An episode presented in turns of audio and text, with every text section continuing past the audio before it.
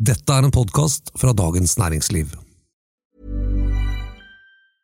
It's that time of the year. Your vacation is coming up. You can already hear the beach waves, feel the warm breeze, relax, and think about work. You really, really want it all to work out while you're away. Monday.com gives you and the team that peace of mind. When all work is on one platform and everyone's in sync, things just flow wherever you are. Tap the banner to go to Monday.com. Ryan Reynolds here from Mint Mobile. With the price of just about everything going up during inflation, we thought we'd bring our prices down. So to help us, we brought in a reverse auctioneer, which is apparently a thing. Mint Mobile unlimited premium wireless. Ready to get 30, 30, bit to get 30, bit to get 20, 20, 20, bit to get 20, 20, bit to get 15, 15, 15, 15 just 15 bucks a month. So, Give it a try at mintmobile.com slash switch.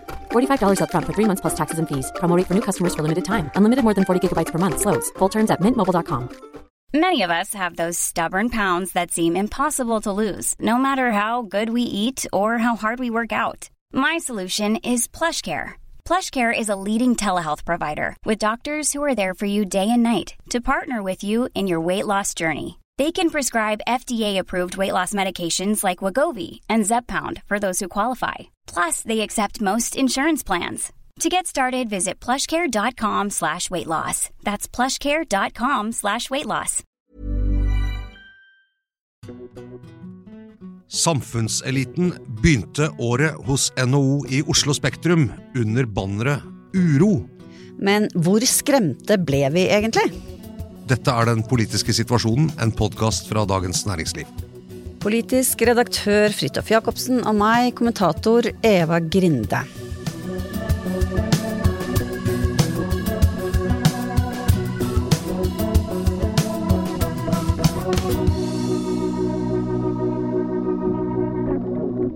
Ja, altså. Vi kommer rett ut av Oslo Spektrum. Ja, som den delen av samfunnseliten vi er. Ja. Banet oss vei Nei, gjennom snøen. Eh, ja, eh, og det har vært NHOs årskonferanse, et eh, årlig arrangement som eh, får mye oppmerksomhet, eh, topptungt eh, med Jens Stoltenberg var der, Jonas Gahr Støre, sentralbanksjef Ida Wolden Bakke, Tysklands vislekansler Robert Habeck. Klima- og næringsminister i ett. Ja, ikke sant? Det er jo Eh, litt interessant, faktisk. Ja. Så, så, så en ganske sånn eh, topptung, eh, masse næringslivsledere, Stein Erik Hagen så vi, ikke sant, og Ultveit Moe og alt sånt.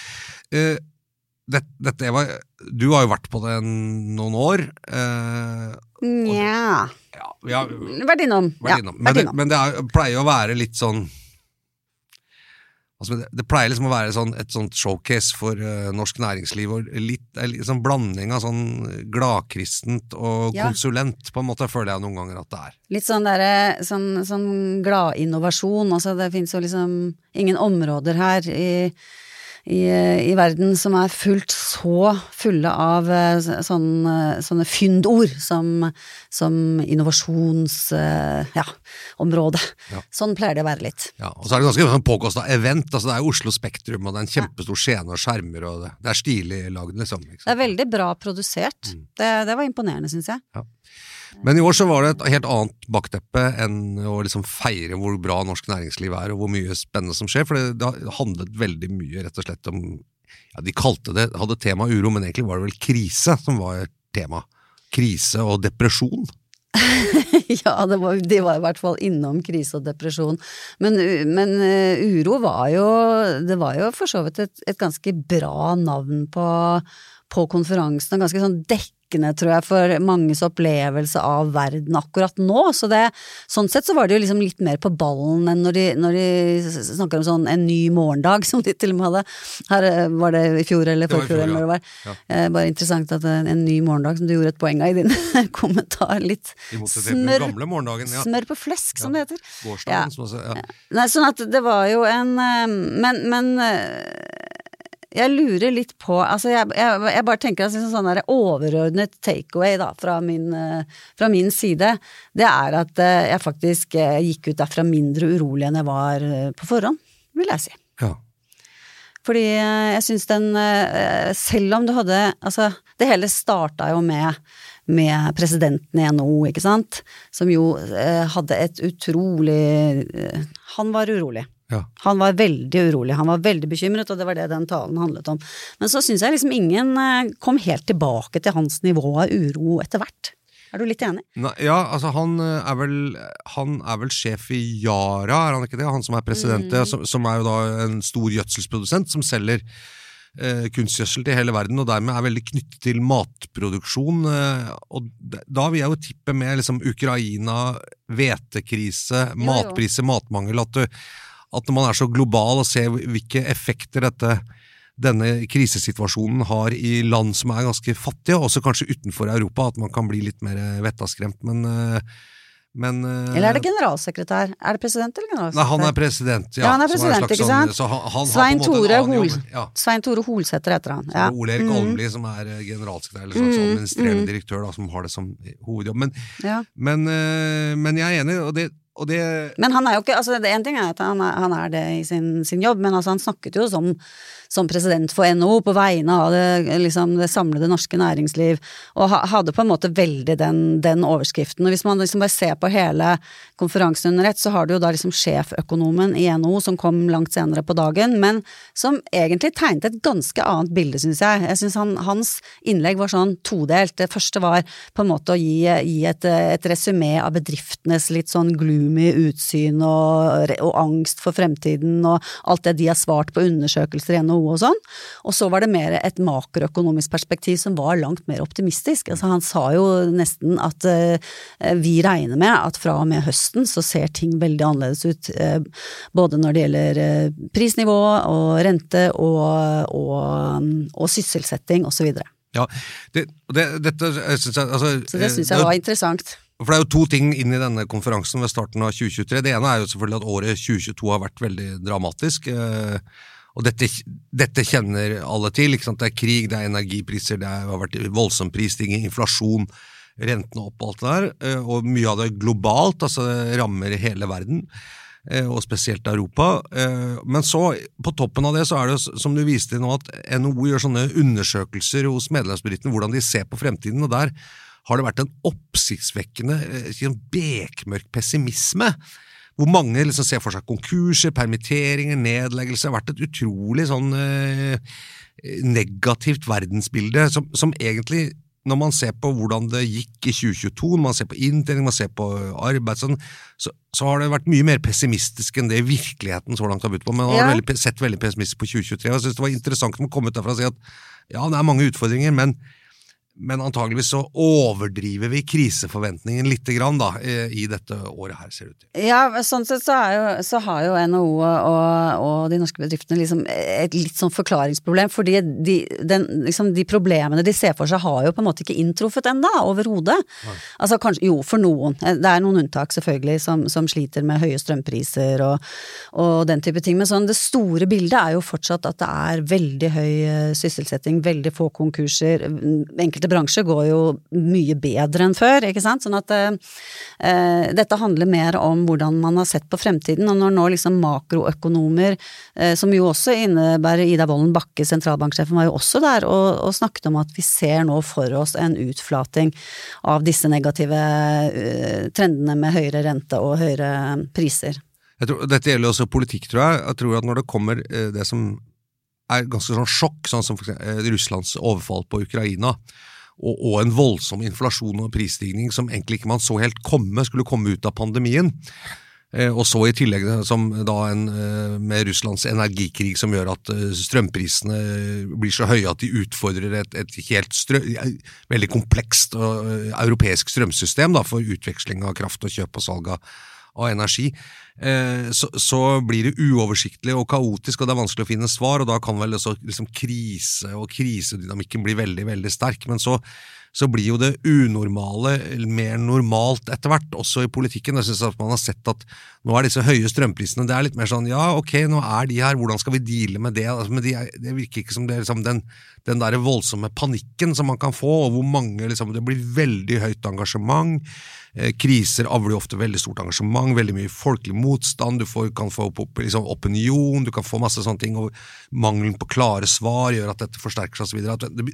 Ting virker litt roligere. Jeg synes også ordskiftet virker noe roligere nå. De, de som nå hakker på, på strøm og strømmarked og systemet, kommer liksom ikke noe, noe nytt, og det virker ikke som de argumentene treffer så godt lenger som de gjorde for et halvt år siden. da. Nei, det har vel også noe å gjøre med liksom frempekende som jo også, altså Det med strømpriser, det, det er jo også det som sies om dem nå, er, er at de kommer ikke til å, å, skyte så voldsomt, antagelig da. Det er i hvert fall håp for at det ikke kommer til å gå så høyt i taket som man hadde fryktet og så videre. Altså at, ja, ikke sant? Nå har vi jo et voldsomt mildvær i Europa som hjelper oss og så videre, så, så den derre strømdebatten er jo veldig følsom for prisen i dag og i morgen, liksom. Ja. Hvis den roer seg, så virker det som man har på en måte glemt det ganske fort, altså. Ja, nå er vi liksom det er interessant en, en, en krone per kilowattime er mm. liksom nå til å leve med. Det var jo utenkelig. Det var ja, enormt høy pris før, men vi har liksom Ja, ikke sant. Ja. Eh, så, så, det syns jeg var interessant. Skal vi gå, gå, litt inn i noe av det vi hørte? Det, altså Den som åpnet uh, etter da NHO-presidenten, så, så, var den første uh, taleren var Jens Stoltenberg. Generalsekretær i Nato, og litt sånn selvfølgelig Det, det er jo, begynner jo på et visst nivå, får man si. Da var det jo ganske pakka der, eh, og, og, og sto og så på det. Og det, jeg syns han holdt en eh, Jeg vil si det var et veldig god, god, godt innlegg, god tale. Ja, det var en, eh, en veldig god tale. Altså, der, der, igjen så Jeg skrev litt om det nylig, dette med liksom, hva, hva, gjør en tale god? Og det er jo ikke alltid bare hvordan, hvilke ord man velger, og, og hvordan man fremfører dem heller nødvendigvis, men også kontekst. Jeg tenker liksom det at Jens Stoltenberg står i den rollen han gjør nå, han, han er an, veldig anerkjent for jobben han gjør, ikke sant, og kommer, eh, kommer tilbake til Norge eh, og, eh, eller sånn, i en sånn setting hvor liksom stort og smått av, av, av samfunnstopper er samlet, så så er jo det liksom en sånn, sånn, ramme som er veldig god i seg selv. Store forventninger til hva han har å si. Veldig sånn positiv innstilling, tror jeg, fra publikum. Eh, men så leverer han jo også. Så jeg, jeg, jeg tenker at når han står og snakker, så, så, har jeg en følelse av at han mener det han sier, fra liksom tærne og til eh, toppen av hodet. Issen, som det heter på, på eldre menn. Eh, han har jo hår på han, da. Ja, is, ja, da, han har det, men issen er altså et, en legemsdel som på en måte trer frem når man blir eldre hos en del menn. Legems. Da blir man bevisst sin isse, men det er man ikke når man er ung. Men det var en digresjon.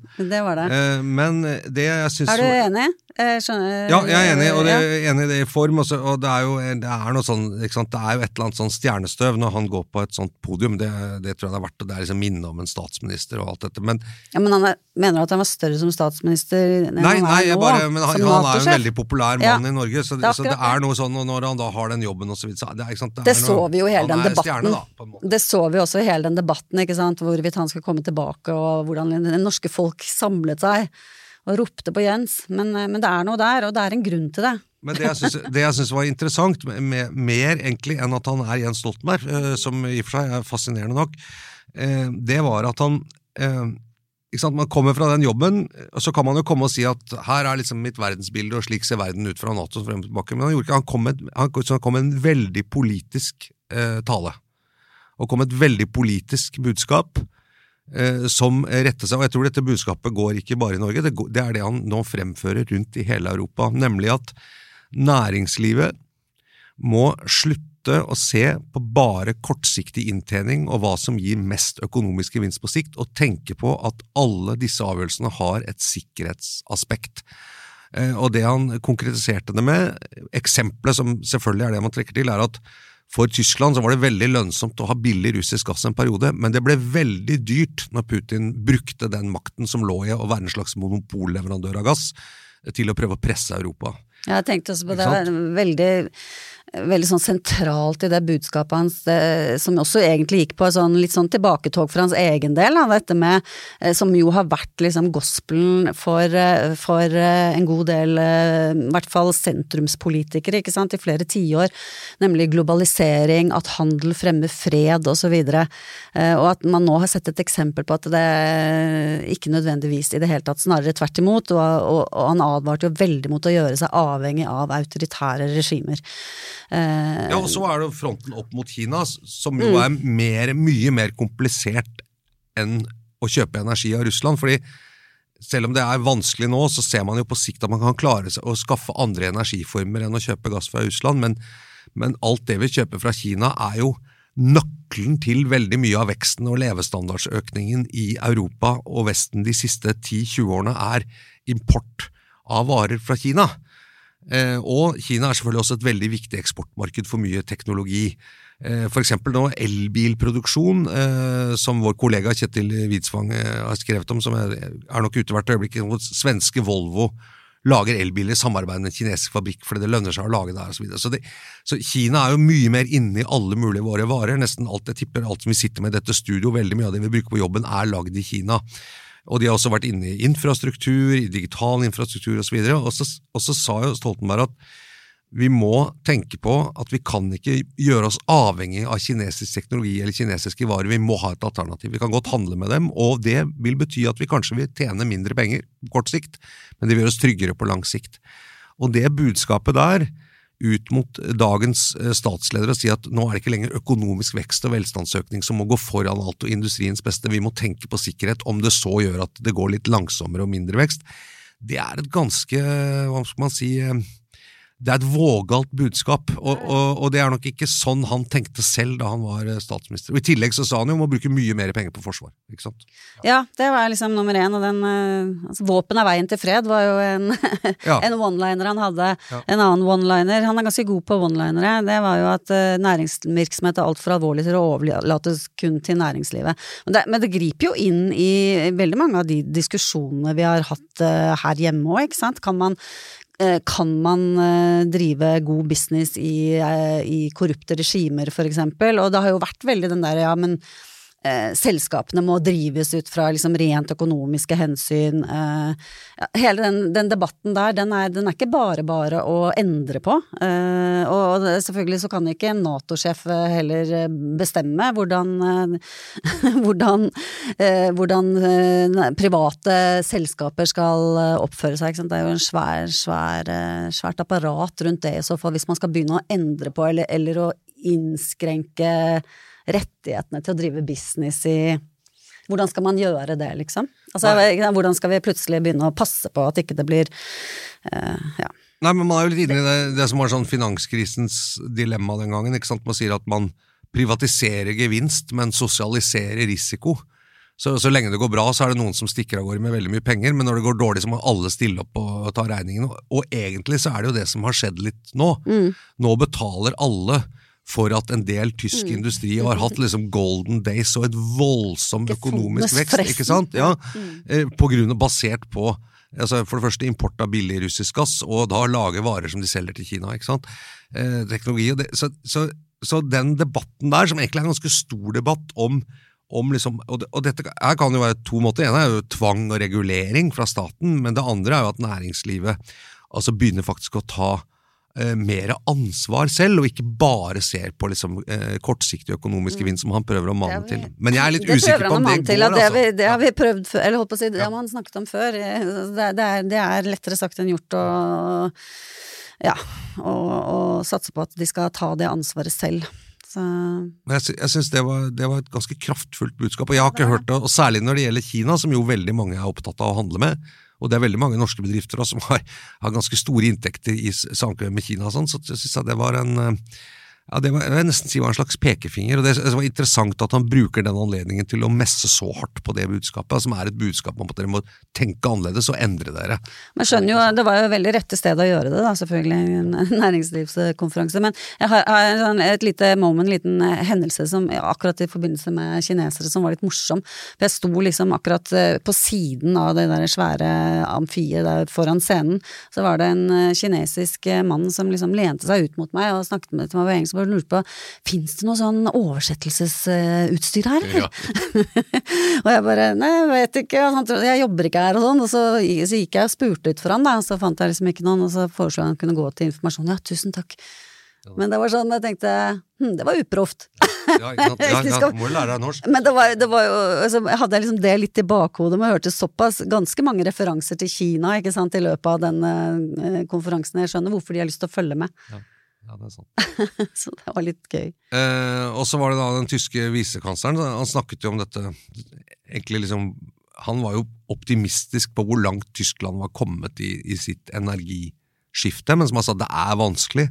Det er tunge tider, men vi, vi får det til. Det er vel egentlig det som jeg syns Robert Habeck eh, eh, sa. Og, og timingen da med at det var inngått en litt sånn stort industrielt samarbeid mellom Equinor og Tyskland eh, når det gjaldt hydrogen og liksom nye energiformer osv. Ja, for det ble kunngjort i dag, vel, Ja, i ja. morges. Selvsagt, ikke sant. Så det, altså det, det var nok ikke helt tilfeldig, det, men Ja, så var han vel Altså, han la jo mye vekt på å si øh, Eller hvor viktig Norge er nå, selvfølgelig, som gassleverandør til øh, til Tyskland, men også prøvde han å si på en sånn høflig måte at øh, vi kanskje i enda større grad, eller i litt større grad, må skjønne at det er ikke olje og gass vi skal leve av videre.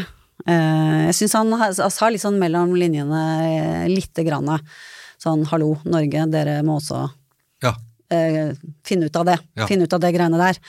Og så Da kan vi jo hoppe til Jonas Gahr Støre også, som da benyttet sjansen i sin avsluttende tale, han var jo den siste taleren eh, på konferansen i dag, eh, til å legge vekt på at Tyskland liksom er eh, desidert viktigste enkeltlandet for Norge når det gjelder handel i dag. Og det er jo liksom litt sånn kjølvannet av brexit, altså England som nå liksom mister betydning, og Tyskland som øker sin betydning for Norge. Jeg syns han gjorde et Jeg la merke til at han gjorde et stort poeng av det. Så. Ja, og det, jeg tror, det er jo en sånn Man leser om det, men kan- jeg tror, tror kanskje Jeg merker selv at det fortsatt er liksom ikke det helt sånn internalisert. Nei.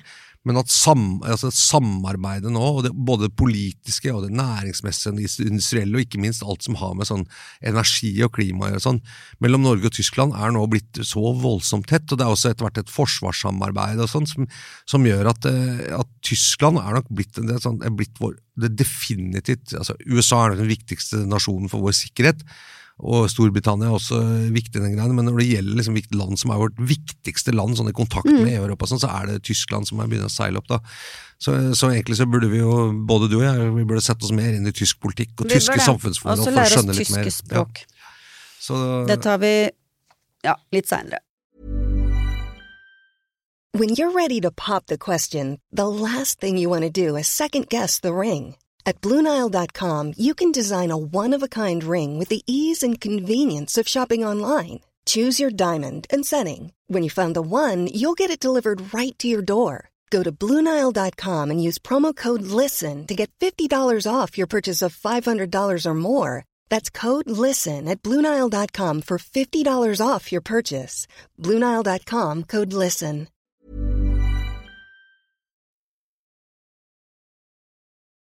Men eh, Støre på slutten, han kom jo også, det var jo veldig mye eh, beskrivelser av alt som var utfordrende videre, men han jeg synes det var en ting som annet å merke meg, som jeg synes var, som han har sett tendenser til hos, hos Støre nå de siste ukene, i hvert fall, kanskje.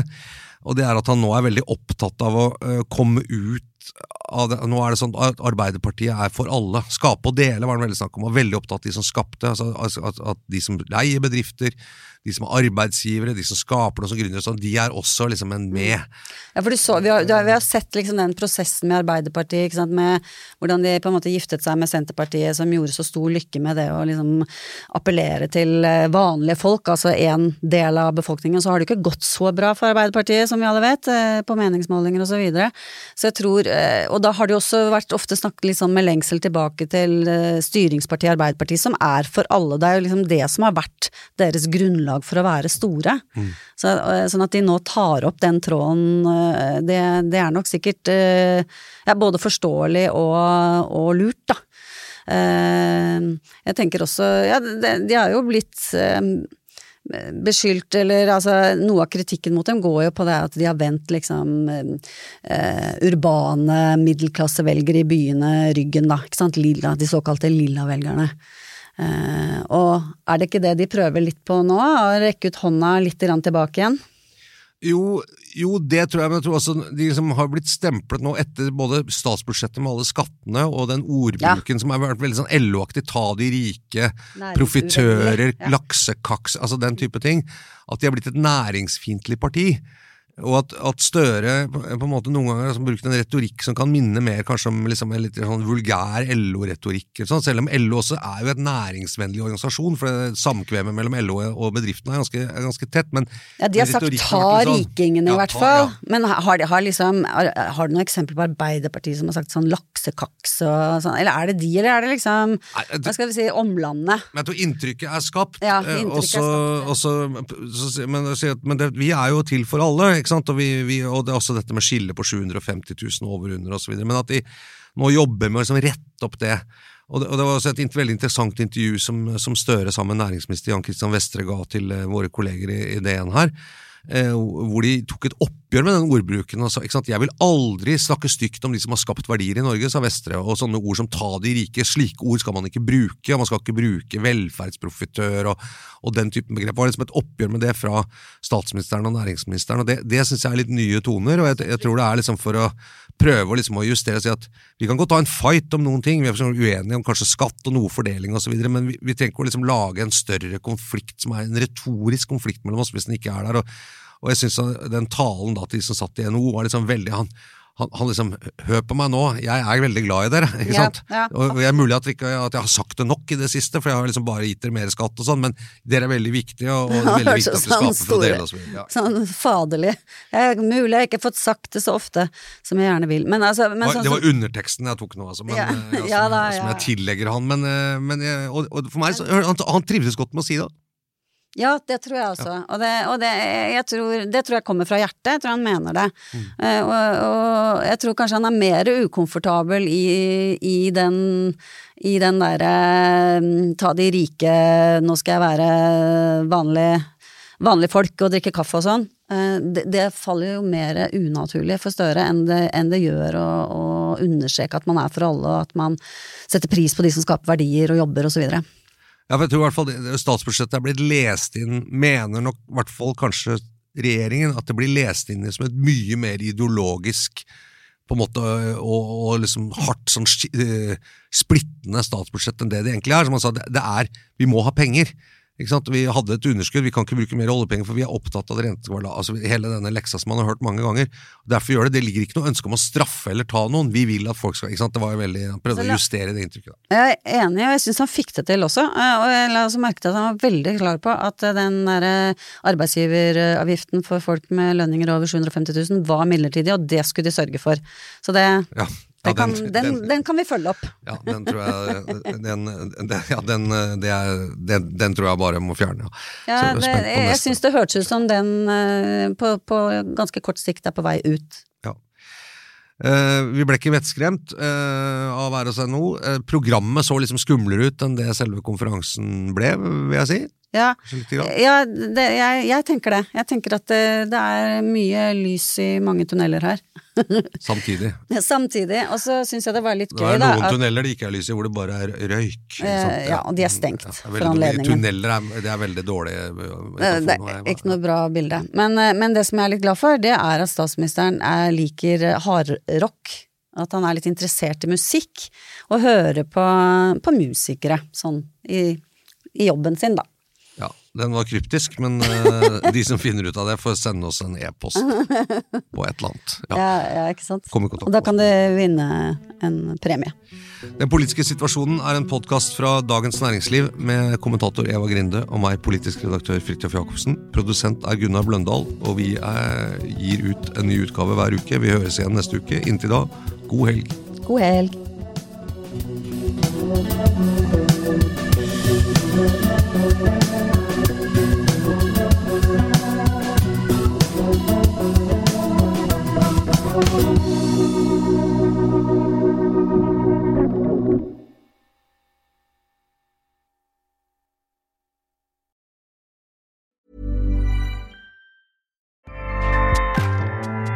ACAST powers the world's best podcasts. Here's a show that we recommend. This is Roundabout Season 2, and we're back to share more stories from the road and the memories made along the way. We're talking rest stops. If we're stopping to get gas, you will be timed. you will be for sure.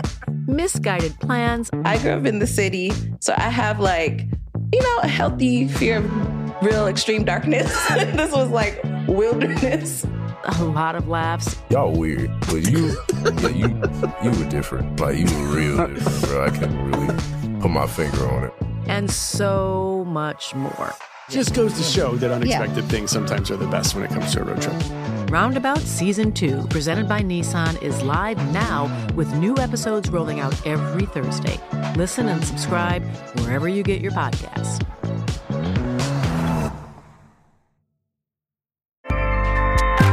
ACAST helps creators launch, grow, and monetize their podcasts everywhere. ACAST.com.